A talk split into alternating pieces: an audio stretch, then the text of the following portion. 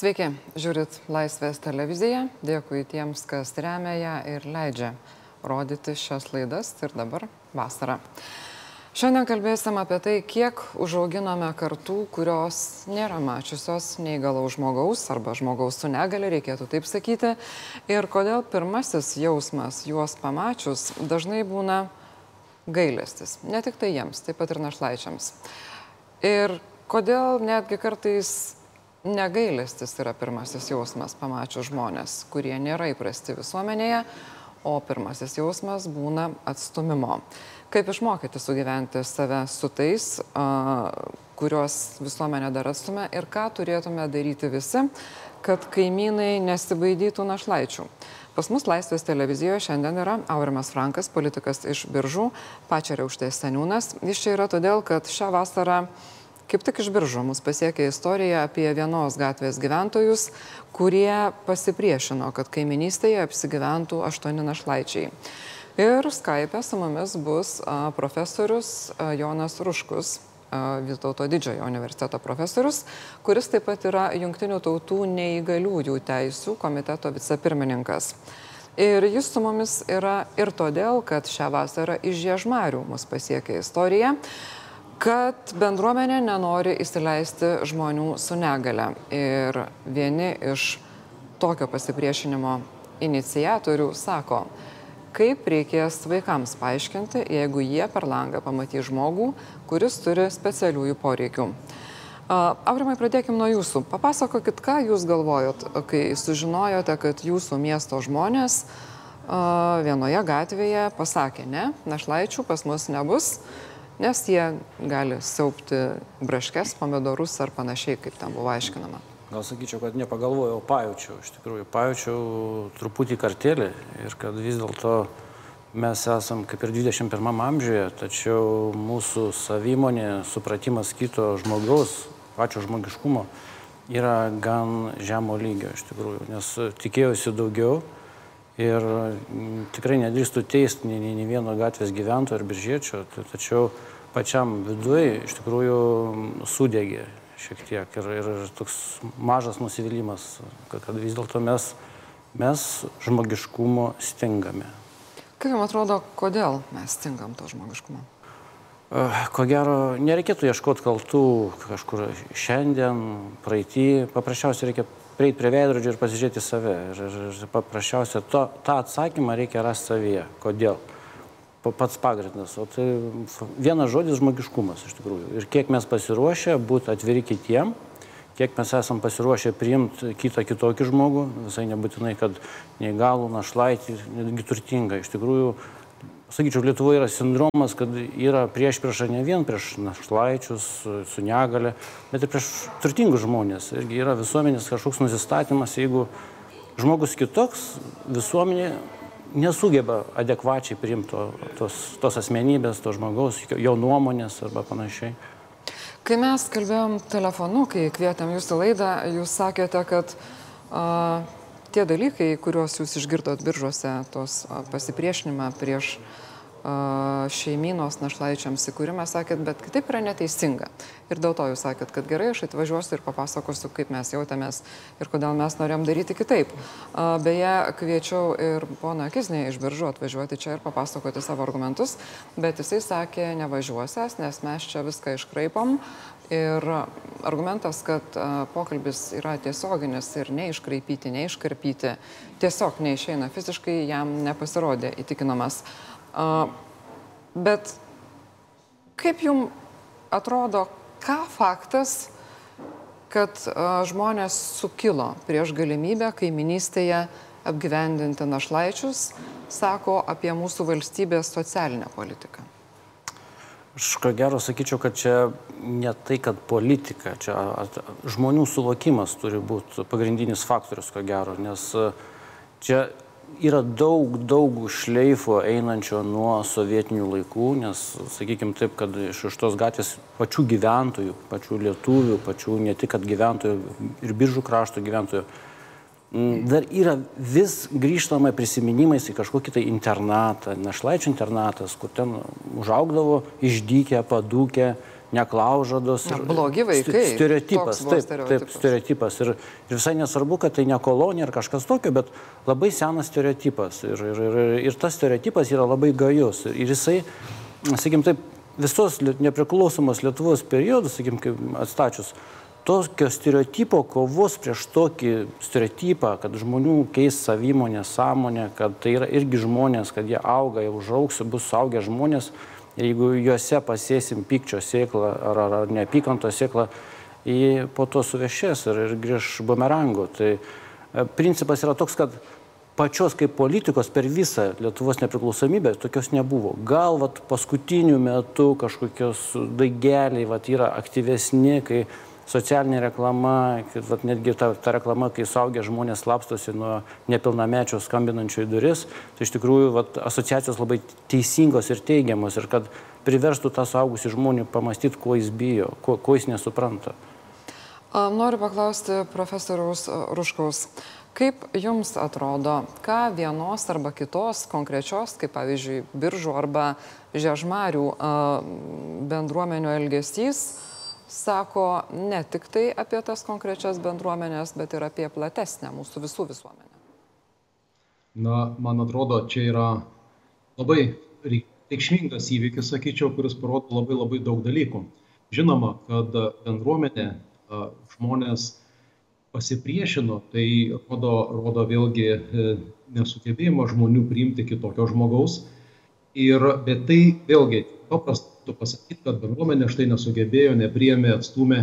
Bet yra kiti dalykai, tai rodo, jau 30 metų beveik Lietuva yra nepriklausoma valstybė ir mes per visą tą laiką, jūs klausėte apie socialinę politiką, iš tikrųjų per visą laiką nieko nepadaryta iš principo, kad tie žmonės, kurie, na, tarkim, mes iš tarybinių laikų, iš sovietinių laikų paveldėjom labai galingas institucijų, galingą institucijų, globos institucijų sistemą tiek su vaikų namais, vaikų globos namais, tiek su suaugusių globos namais, kurie buvo už, už tų gyvenamųjų vietovių.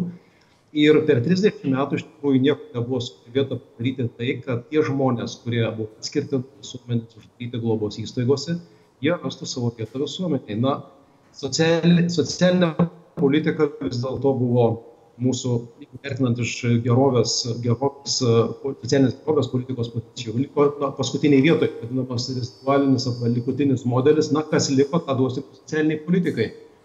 Kitas dalykas yra tas sprendimas, kurį dabar ėmėsi, nu, ne dabar, jau šiek anksčiau pradėjo daryti dėl vadinamosios deinstitucionalizacijos arba, arba globos institucijų perėjimo globos bendruomenėje. Vėl pasirinktas labai ydingas modelis. Modelis tas, kad manoma, kai sukurtas tas modelis, kad pastatysime mažų namukų, namukų bendruomenėje, perkelsime uh, dalis žmonių į tos mažus namukus ir ten, ir tai, yra, ir tai ir bus jau socialiniai trauktis į bendruomenę. Bet žinoma, tai yra labai klaidingas požiūris, nes tai yra vien namuką pastačius ir perkelus žmonės, mes turime dabar rezultatą. O ką reikėtų daryti, kad vėl paskui nereikėtų kalbėti apie klaidas arba kad kažko iki galo nepadarėm jūsų požiūrį? Na, yra labai aiškios rekomendacijos e, Junktinių tautų žmogaus teisų komiteto, tiek vaiko teisų komiteto, tiek, e, tiek e, neįgalių teisų komiteto, kad iš tikrųjų yra vienas dalykas su vaikais, kitas dalykas yra dėl, dėl suaugusių. Tai kalbant apie vaikus, bet kokia institucinė globa yra laikytina kaip žmogaus teisų pažeidimas ir socialinės skirtis. Ir kalbant apie vaikus, visa energija turėjo būti nukreipta į vaikų globą, vaikų globą šeimoje arba šeimininėje aplinkoje o ne institucijose. Ir statymas naujų mažų globos namų iš esmės nieko nepakeitė, mes toliau, toliau, toliau funkcionuojam globos institucijų rėmose. Panašiai ir su, su suaugusiais lygiai tas pats. Suaugusieji turėjo iš principo tai, ką rekomenduoja žmogaus teisų organizacijos jungtinės tautos, ką rekomendavo jau seniai, tai yra, tai yra įtrauktis į bendruomenę, tai visų pirma, tai nėra namuko pastatymas ir apgyvendinimas tame name, jau vadinami grupiniai gyvenimo namai tai yra, tai yra apskritai visuotinių paslaugų atsiverimas, atsiverimas tiek švietimo įstaigų, tiek sveikatos įstaigų, tiek apskritai bendruomenė, pagalba tiems žmonėms būti, kalbant apie suaugusius, tai labai yra svarbus įdarbinimas. Įsidarbinimas, tai vėl namuką perkelus ir tai, kad žmonės kaip dabar apie Žemarius, kaip jau kalbėjau, kad sako, na, gyvena 10 žmonių, ten bus vienas prižiūrėtojas Tai žinot, man nieko socialiniai teisėm ir žmogaus teisėm neturi. Tai iš principo tai yra iš tikrųjų, tikrųjų tik antras globos institucijos modelis perkeltas į mažesnę vietą ir tiek, nieko daugiau. Tai būtent turėjo padaryti žingsniai, kad tie žmonės iš globos institucijų galėtų gyventi savarankiškai, tai yra kartu su asmeninė pagalba, suteikiant jiems asmeninę pagalbą, kad jie galėtų sėkmingai gyventi bendruomenė, kalbant apie žmogus, susirasti darbą, dirbti sėkmingus darbus, tai jeigu reikia, tai kalbant apie vaikus, kad jie galėtų mokytis kartu su visais vaikais ir gyventi šeiminėje aplinkoje. Aurimai, dar norėčiau, kad papasakotumėt vis dėlto tą situaciją, kuri atrodė labai konfliktinė biržose, ji baigėsi, na, nebe konfliktu, atsirado sprendimas. Nežinau, kiek tai gelbėja padėti apskritai, bet tam konkrečiam atveju sprendimas atsirado. Tai kaip tada viskas vystėsi, kaip atsirado ta kita nuomonė ir kitos galimybės, kas pasiūlė vietą tiems našlaičiams?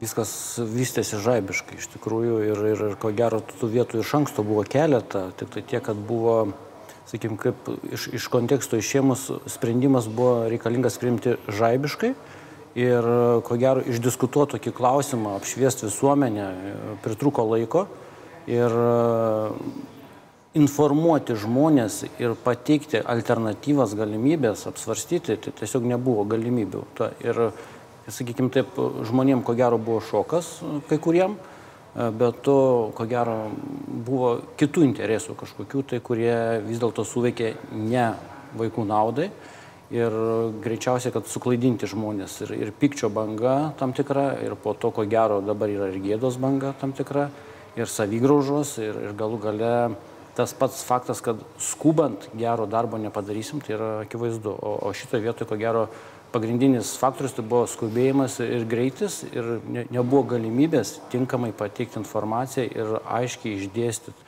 kas bus, kaip bus, kas numatoma ir panašiai. Ar aš teisingai suprantu, kad jūs turit galvoje, kad nebuvo žmonėm išaiškinta, ką planuojama įkurdinti, kas kaip ten viskas būtų daroma ir panašiai. Iš tikrųjų taip, bet kai, kai sakykime, taip pats susitikimo momentas, kai atvažiavo aiškinti, vis dėlto žmonės jau buvo įsiaudrinę ir, ir, ir, ir emocijos valdė, dėja neigiamos emocijos, o kai neigiamos emocijos pabunda žmoguje, argumentų kalba kaip atsispiria kaip žirniai į sieną ir, ir neveikia. Todėl būtina yra išlaukti ir, ir tada pateikti argumentuotai, pagristai o šiuo atveju vis dėlto šitoje vietoje to neįvyko. Emocijos nugalėjo, dėja neigiamas emocijos nugalėjo, o ta, tas laiko tarpas, kai vat, Lietuvos medijos išviešino šią istoriją, žmonės pradėjo suvokti ir, ir paprasčiausiai kitas variantas jau buvo kitaip priimtamas ir, ir priimamas ir, ir visiškai kitaip suvokiamas, kas čia bus, kad tai nebus kalėjimas, kolonija ir panašiai netgi socialinės rizikos kažkokie tai, tai, tai bus paprasčiausiai gyvenamasis namas su, su daug mažamečių vaikų realiai. Tai. Jūs minėjote, kad a, pajutot, kaip lengva manipuliuoti yra žmonių emocijom ir apskritai žmonėm.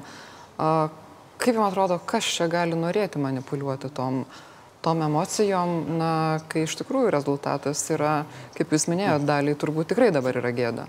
Šiaip tai ko gero taip, gėda. O manipuliuotojai vis tiek kažkoks tai turi būti interesas, nes vis dėlto m, gali būti interesas ekonominis, gali būti e, paprasčiausiai nežinojimo baimės iš tikrųjų. Kad ir kiti iš baimės vengia kitokio žmogaus, sakykime, taip vaikų žmonių su negale. Tai, bet čia tokia baimė, ko gero, būtų iš nežinojimo paprasčiausiai. O, o ekonominis interesas gal irgi yra kitų norų kažkokių taip pasipelnyti ar kažkokiu. Turit galvo iš sklypo gerai vietoje? Gal iš sklypo, gal, gal kažkas nužiūrės yra tas sklypas, sakykime taip. Nes, kaip sakant, žmonės e, kaip ir šneka, kaip ir žiūri, o, o, o, o kuris tikrasis interesas, tai iš tikrųjų, bet kokiu atveju jie abu interesai susidėjo ir šitoje vietoje gavom tokį neigiamą rezultatą. Noriu vėl kreiptis į profesorių Ruškų. Pasaulio sveikatos organizacijos duomenimis apie 14 procentų žmonių gyvena turėdami vienokią arba kitokią negalę, kai tuo tarpu Lietuvoje tas skaičius yra na, maždaug dvigubai mažesnis pateikiamas. Kiek tai yra realu, kad mes čia Lietuvoje žmonių su negalę arba specialiais poreikiais turime mažiau negu, tarkim, mum artimos Skandinavijos šalis beveik dvigubai. Mes neturime jų mažiau, mes tiek ir turime, tiek kiek ir turime rodo pasaulio sveikatos organizacijos duomenys, tiek kiek rodo tokie pat skaičiai yra ir Skandinavijos kraštuose, ir Šiaurės Amerikos, tai tiesiog mes daug žmonių net nelaikome negalę turinčiais. Mes tiesiog turime griežtas medicinės komisijas, kur vertinama viskas yra ta vadinamo negebėjimų, darbingumų ir, ir yra griežti kriterijai, labai griežtai apriboti mediciniškai, jeigu jūs pamatytumėt, kokie ten tie kriterijai, kokie yra sąrašai tai mes tiesiog pusė žmonių, kurie turi vienokias arba kitokias negalės, gal ne taip stipriai reikštas, taip pat ir psichosocialinės negalės ir, ne, ir, ir įvairias, sakykime, su lygomis įvairiomis susijusios, mes jų net nelaikome, mes jų net nelaikome oficialiai, tai yra netraktuojame ir nesuteikėme neįgalumo, neįgalumo statuso. Tai yra paprasta, yra valstybių, pavyzdžiui, kai kuriuose valstybėse, nenoriu minėti jų, yra valstybės, kurie sako, mes turime 3 procentus neįgaliųjų na čia yra čia yra tai tris procentus yra valstybė sako keturis turime tai tiesiog yra tiesiog valstybė nenori pripažinti žmonių žmonių įvairovės kurios neretai susijusios ar su įvairiom negaliom ar ligom Bet tai, ką Jūs kalbate, tai skamba, na, pokraupiai, nes susidaro įspūdis, kad, na, valstybė neigia dalies savo piliečių egzistencinius poreikius, nes jiem reikia... Visiškai taip. Visiškai taip. Kuo, kuo galima tą paaiškinti, kad šitiek metų mes tai neigiam? Mes kaip valstybė turiu galvoje. Čia yra na, bendras fenomenas visų posovietinių kraštų rytų Europos, centrinės Europos, kad mes labai griežtai mediciniškai vertiname ir at, atrenkam, kas, tu, kas iš tikrųjų turi negalę. Žinot, procentais yra įvertinama, kiek procentų žmogus uh, turi vienokį arba kitokį nedarbingumą dar, ar darbingumą čia dabar vadina, procentais ir labai griežtais kriterijais, tai yra mediciniškai parengtais kriterijais o ir ir tai nėra tai jie yra tikrai objektyvūs bet iš tikrųjų kita vertus ką reiškia objektyvūs tai yra ignoruojama tam tikra dalis žmonių kurie turi kurie galbūt net ne tuos medicininius kriterijus kaip pasakyt ne, ne, ne visai jos pataiko. Čia ypatingai yra susiję su su įvairiomis lygomis kurios vadinamos yra yra ir kurios sukuria vadinamas nematomas negalias arba jos yra laikomos tiesiog vis bet jos pavyzdžiui žmogus gali kažkiek kriterijai tokie žmogus gali kažkiek tai ir nueiti ir matyti bet jisai nors jis turi kitų sunkumų kurie tiesiog nelaikomi negaliomis ir nepra, nepripažįstami negaliomis. Taip kad čia yra, čia yra tiesiog pereisim tai, ką sako, ką sako jungtinių tautų, žmogaus teisų organizacijos. Pereikite prie žmogaus teisų. Yra visai kitaip, matykite negalę, matykite per, per poreikius būti, būti bendruomenė, gyventi bendruomenė kartu su visais. Taip, yra tokia yra ligos, yra kažkokių tai, kažkokių tai ar, ar ir klausos, regos sutrikimų, intelekto sutrikimų, psichosocialinių sutrikimų, bet, bet, bet juos turime visus matyti ir suprasti ir visų pirma nukreipti savo dėmesį į tai, kad ne, ne tik vertinti medicininę pusę ir paskui per rehabilitaciją, pasakyti, kad tie žmonės turi arba kitokį procentą nedarbingumo, bet matyti per poreikius visuomenė. Kaip Jūs galite apibūdinti pokyčius, jeigu matote juos? Ar tai yra teigiamos tendencijos, ar nelabai? Na, negaliu vėl neprisiminti to atveju iš Žežmarių, kai vienas žmogus sakė, tai kaip aš mano vaikai, jeigu iš antro aukšto per, per langą į kiemą pamatys žmogus su negale. Ir aš pagalvojau, tai jeigu jo mama, neduok dievę, kada nors gulės lygos patale ir na, bus žmogus su specialiais poreikiais, tai ar tuomet jis a, tų savo vaikų, na, nevest parodyti močiutės. Ar yra teigiamų kokiu nors ženklų mūsų visuomenės požiūrėje į žmonės su specialiais poreikiais? Na, įvairių yra įvairių ženklų, bet kaip pasakiau, 30 metų mūsų nepriklausomybės socialiniai politikai buvo skiriami tikrai labai dėmesio ir kaip jau sakėt pačioj pradžioj laidoj, na, yra gailestis ir, ir paskui galbūt nuostaba, žmonės iš tikrųjų tebe, tebe, tebe funkcionuoja sakykim, labai, labai atgyvenusių ir diskriminacinių požiūrių. Vėlgi, jie nesutik, teisingai prieš tai buvo pasakyta, kad kaip galima va, tai pastatyti, nieko nederinant, su, ne, nekalbant su bendruomenė, nešviečiant bendruomenės, nėra jokių iš tikrųjų šviečiamų visą priepiančių ir ilgalaikių kažkokių tai švietimo kampanijų, kur, kur, kur būtų. Yra, turim mes tokių projekt, projekti, projektų, taip, bet projektai pasižymė laikinumu ir apreptis jų, sakykime, bet tokių, kad valstybė turėtų strategiją, kad pamatytų kiekvieną gyventoją, kad pamatytume negalę turinčių žmonės kaip žmonių įvairovės dalį, kad iš tikrųjų to nebuvo niekada daryta, to nėra ir daroma nei dabar. Tai yra tai, kad žmonės yra įvairūs, žmonės įvairias ir, ir, ir būtent švie, šviečiamųjų kompanijų, tiek konkrečiose bendruomenėse, jeigu ten galvojam, kad žmonės gali iš globos institucijų pradėti gyventi ir dirbti ir mokytis kartu su visais, nebuvo. Tiek neapskritai apie teigiamų kad žmonės, nesvarbu kokia negalė, visi žmonės turėti teigiamą didelį visuomenę. Iš tikrųjų, tokių kampanijų nebuvo. Nors Lietuva ratifikavo neįgaliųjų teisų konvenciją jau prieš dešimt metų, prieš devynerius metus, ten yra labai aiškus įsipareigojimas valstybės švieti visuomenę apie neįgaliųjų gebėjimus, apie neįgaliųjų indėlį visuomenę, apie jų orumą, bet mes to nelabai matėm. Matėm atskirų projektų, taip, bet kaip visuotinai sistemiška to nebuvo. Aš bijau, kad garso kokybė na, nėra tokia, kokios aš norėčiau šioje transliacijoje, bet tikiuosi, kad mūsų žiūrovai gali suprasti tuos svarbius dalykus, kuriuos jūs kalbat, kalbate ir apie tarptautinę patirtį, ne tik apie padėtį Lietuvoje. Kreipiuosi vėl į Aurimą Franką. Štai prezidentas Gitanas Nausėda po biržų ir žežmarių atveju pasakė, kad baime tokiais atvejais kyla iš nežinojimo.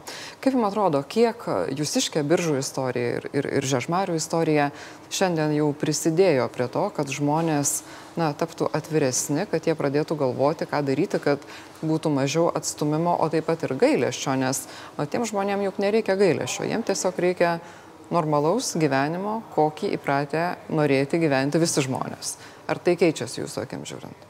Mano manimu labai stiprų postumį davė, iš tikrųjų prie to prisidėjo ir Lietuvos medijos ir aplamai, kad, kad, kad va, to, tokie dalykai nutinka, tai gal ir gerai, kad įvyksta su visuomenės supurtimas ir, ir reikia to šalto dušo, kad galų galę suprast, kad mes dar esam labai mažai pažengę į, į žmonių integraciją, į prieinamumą, kad, kad mes visi žmonės esam viena visuomenė ir kad negali būti vienų atskirtų, geresnių, blogesnių, kaip minėjau faktus, kad vis dėlto kas yra negalės. Iš tikrųjų yra tie, kurie matom, kad negalė yra, mm, kurie aiškiai, ar, ar kojas neturi, ar dar kažko, galų galę silpnesnio regėjimo žmogus, mes kažkodėl tai jau priimam natūraliai, normaliai, o yra tokių negalių, kurių nesimato, iš tikrųjų daug ir, ir kur sunku suvokti visuomenė, o dar baisiau yra žmonėm e, negali, vat, kur, kur intelekto sutrikimai ir panašiai, tai žmonės jaučia diskomfortą, jiem nepatogu ir jie tai paprasčiausiai ne tai, kad nori suprast, sugebėti eiti į, į, į kompromisą, jie paprasčiausiai nori užsidaryti, pastatyti sieną, kad kelkit kažkur laukuose toliau ir, ir nepriimtų žmonių, nors, nors tai iš tikrųjų buvo toks laikas, kai žmonių su vežimėliu, ne, su, kam čia daro va, tokius pandusus, prieimus, duris platesnės, kam čia to reikia, nes buvo tokia banga prieš 20 metų, kai Lietuvoje su nuostaba, kam tam tų dabar į parduotuvę platesnių durų reikia. Čia, man čia, jūs čia gadinat mano verslą, čia investicijos neatsipirks, man, man jų nereikia. O iš tikrųjų, kad, kad, kad to, tokie žmonės būtų mūsų visuomeniai, tai turim mes patys pasikeisti. O, o kaip prezidentas minėjo, iš tikrųjų jis labai teisingai paminėjo, kad tai yra baimė. Tai vienas iš faktorių - baimė, bet paprasčiausiai iš baimė, iš nesuvokimo ir baimė priimti pokyčius. O, sakykim, taip, visuomenė, sakykim, vėl grįžtant atgal, nereikia ten sakyti, kad ten jau seniau buvo labai blogai, buvo visko, bet visuomenė, kai ištraukiam iš purvo, mes tai taip atrodo jau lengva, bet purvą ištraukti iš žmonių yra daug, daug kartų sunkiau. Jūs sakot, prieš 20 metų buvo toks požiūris, čia prieš Mažiau negu dviejus metus buvo toks tai požiūris, tai ir... kai savivaldybių asociacijos prezidentas pasakė, kad kodėl čia reikia pritaikyti visas balsavimo apylinkės žmonėms su judėjimo negale, gali nueiti ten, kur gali patekti. Ir nėra čia ko norėti. Iš tikrųjų tai uh, skamba absurdiškai, bet iš tikrųjų taip. Vis dėlto mes turim perjungti ir suprast, kad iš tikrųjų mes, ypač tie pareigūnai, kurie yra valstybės tarnautojai, mes turim suprast, kad mes esam skirti tarnauti žmogui, o ne, ne, ne, mes nesam valdžia, mes esam tarnautojai. Ir, ir mūsų tikslas yra padaryti, kad žmonėm būtų komfortabilu ir nes, nereikėtų sukt galvos, kaip jam čia blogiau, geriau, jie turi paprasčiausiai nejaustų to diskomforto. O, o tas kelias tikrai bus ilgas ir dar Lietuva tikrai patirs ko gero ne vieną sukretimą, bet e, tokie įvykiai iš tikrųjų, aš manau, kad mūsų visuomenė moko, nes netgi pažvelgus į, į komentarus, kartais truputį nejauku pasidaro, nes kad vis dėlto yra kitų žmonių noras, kad nuteis nepilnametį, dar nesuvokianti žmogų, pilietį ir pastatyti kažkur už sienos, kad jis yra nepatogus, jis, jis kelintis problemų, galimų problemų gali sukelti iš tikrųjų va, taip išties ranką ir padėti e, atsitiest tiem žmonėm, kurie jau taip likimo nuskriausti, netgi net kad intelekto ar ką, bet prašau, tėvų neturi vienokių ir kitokių. Nes aš nemanau, kad jie vaikai kalti, kad jiem nepasisekė su tėvais. Nu, yra dalis tokių, kur, sakykime, avarijos žutis, bet yra tokių, kur vis dėlto socialus gyvenimo būdas e, priverčia vaikus kentėti. Ir jeigu juos dar paliktose šeimuose, tai mes generuosim dar vieną siaubingą kartą, kur, kurie gers kitų pyktį gyventojų, emociją ir kurie po to užaugę tą pyktį gražins atgal. Iš tikrųjų, tai čia yra pati didžiausia bėda, ko gero. Na, kadangi jūs esat politikas, kaip vertinate a, švietimo įstatymo pakeitimus, kai Lietuvoje buvo leista mokyklai, kuri nėra pasirengusi priimti vaikus, kuriem na, reikia įrengti ar ten rampas kokias nors privažiavimo arba šiaip pakilimo. Kitaip tariant, jeigu į mokyklą nėra pasirengusi priimti vaiką su specialiais poreikiais, tai jinai gali to vaiko ir nepriimti ir pasiūsti tą vaiką į kitą mokyklą. Ar tokios pataisos prisideda prie sveikesnės visuomenės?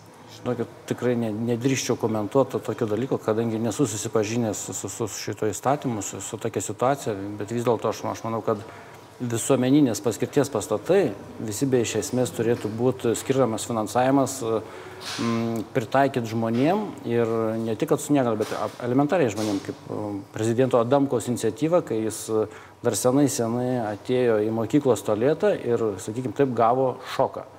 Tai ir tada buvo skiriamos valstybės lygmenių investicijos į hygieninės patalpas. Tai iš tikrųjų tokių šokų dar ko gero yra daug ir pritaikyti pastatus, mokyklas, darželius ir panašias vietas, iš tikrųjų mes turim dar kur pasistumėti, nes e, mes kartais taupome, o, o, o bandome pasislėpti, kad tos problemos nėra. Ir, ir kai ta problema atsiranda, mums visiems nutinka šokas, o, o, o, o kad tokių pastatų nepritaikytų žmonėms su negali yra daug, tai, tai tikrai taip yra. Bet e, mes turim judėti priekį. Bet mes turim pastatų, kurie yra pritaikyti tik tai žmonėms turintiems negalę ir čia vėl noriu paklausti profesoriaus Jono Ruškaus. Lietuvoje turim kelius tūkstančius vaikų, kurie mokosi specialiuose mokyklose. Tai yra, jie negali mokytis su visais kitais vaikais tose mokyklose, kurias vadinom įprastom. Kodėl tai nėra gerai? Ne tik tiem vaikam, o mum irgi. Na visų pirma apie įstatymą. Jūs užsiminėt apie įstatymą yra dvidešim devyni taškas punktas lietuvos švietimo įstatyme kuriame pasakyta kad na aš dabar performuluoju savaip. Kad šeima gali kreiptis auginanti specialiųjų poreikių vaiką gali kreiptis į bet kurią mokyklą bet jeigu mokykla neturi sąlygas tada šeima išsiunčiama į kitą mokyklą. Tai yra diskriminacinė nuostata kad reiškia iš tikrųjų mokyklos atsirinkinėja vaikus ne nėra nėra mes neturime lietuvoje vaiko teisės ir šeimos teisės kad vaikas mokytųsi su kitais ir kad būtų investuojama į mokyklos bendruomenę taip kaip galim kalbėti kad į kaip tarsi apie bendruomenę kaip kalbam dabar apie biržus ar žiežmarius yra dirbama su mokyklos bendruomene kad kad vaikai visi mokytųsi kartu. Na kodėl tai yra kodėl yra negerai kad vaikai mokosi specialiai tiesiog tai yra socialinė atskirtis tai yra vaikai kurie smerkti vėliau jie dabar eina į specialiąsias mokyklas. Gal kartais tėvam tai yra gerai nes vaikas lanko mokyklą bet iš tikrųjų ten gauna ne patį geriausią išsilavinimą. Ką galėtų gauti iš principo ir ir ir vėliau kai jie tampa suaugusiais kai išeina į suaugų va čia prasideda didžioji tragedija aštuoniolikos dvidešim vienerių metų. Jie tiesiog nebe niekur nebegali būti visuomenėje. Ir tada jeigu tėvai apsi apserga sakykim ar atitinka ir ir miršta ir ir nebe kitaip tariant nebegali prižiūrėti to vaikai keliauja į globos namus yra uždaras ratas ir tai visa tai prasideda jau nuo mokyklos ar net nuo specialiųjų darželių, kai vaikai pradeda, pradeda eiti į atskiras, atskiras, atskiras įstaigas. Tai čia mes ir turim kalbėti, taip, tai galim sakyti, ta bendruomenė bijo. Tai čia yra netgi socialinės gerovės valstybė, tai yra visų pirma, tai reiškia, kad yra paslaugos, kurios yra visuotinos, jos yra prieinamos visiems. Švietimo paslaugos, iki mokyklinio augdymo paslaugos, tie iki mokyklų, kalbant apie švietimą, jos turi būti, privalo būti prieinami, nes tai yra tiesiog, tiek, tiesiog, nor, vadinkim, tai yra nepriimtina, kad dalis vaikų privalo mokytis, negali mokytis kartu su savo bendramžiais. Ir žinoma, kaip jūs ir klausimą, kad uždavėt, kodėl tai patiems nėra gerai, tai mes ir turim rezultatą paskui, kad mums žmonės mes nematom žmonių, žmonių įvairovės, mes nematom, nematom kitokių žmonių, kurie kartais ir turi vienokių ar kitokių negalių, lygiai taip pat ir su pagyvenusiais žmonėmis, nes greitai galim juos eliminuoti iš viešosios erdvės, iš tikrųjų paslaugų ir taip ir atrodys, kad visuomenė tai yra tik tai vieta, tai a, vien tik tai kažkokie žmonės ekonomiškai ar fiziškai vien tik tai pajėgus, bet ne, bet ne, bet ne, ne tokie, kurie, sakykime, jie, yra, jie yra kitokie ir ne, jie nėra, jie yra lygiai, tiesą sakant, negerai sakyti, kad kitokie, bet jie tiesiog turi įvairių negalių arba kažkokių kitokių savybių ir jie yra irgi dalis žmonijos, žmonijos ir dalis žmonių įvairovės. Ir turbūt iš tiesų, kaip jūs ir minėt, turim tokį uždarą ratą. Gerai, kad dar tam rate nekalbam apie kažkokį uh, kažkokią grinąją kastą. Aš dėkoju profesoriui Jonui Ruškui iš Vytauto didžiojo universiteto ir Junktinių tautų neįgaliųjų teisų komiteto vicepirmininkui. Taip pat dėkoju ir Aurimui Frankui iš Biržų, kuris atvažiavo pas mus ir papasakojo, ką pamatė per tą istoriją, kai dalis biržiškių buvo nepatenkinti galimybę kaiminystėje turėti našlaičių vaikų, aštuonis našlaičius vaikus. Ir ką tas sako apie visą mūsų visuomenę ir taip pat kaip gali padėti mūsų visuomenėje keistis. Ačiū Jums. Ačiū tiem, kas žiūrit ir remet. Jeigu dar nesate užsiprenumeravę, tai siūlau tą padaryti, kad niekada nepraleistumėte mūsų naujų laidų. Dėkui ir iki.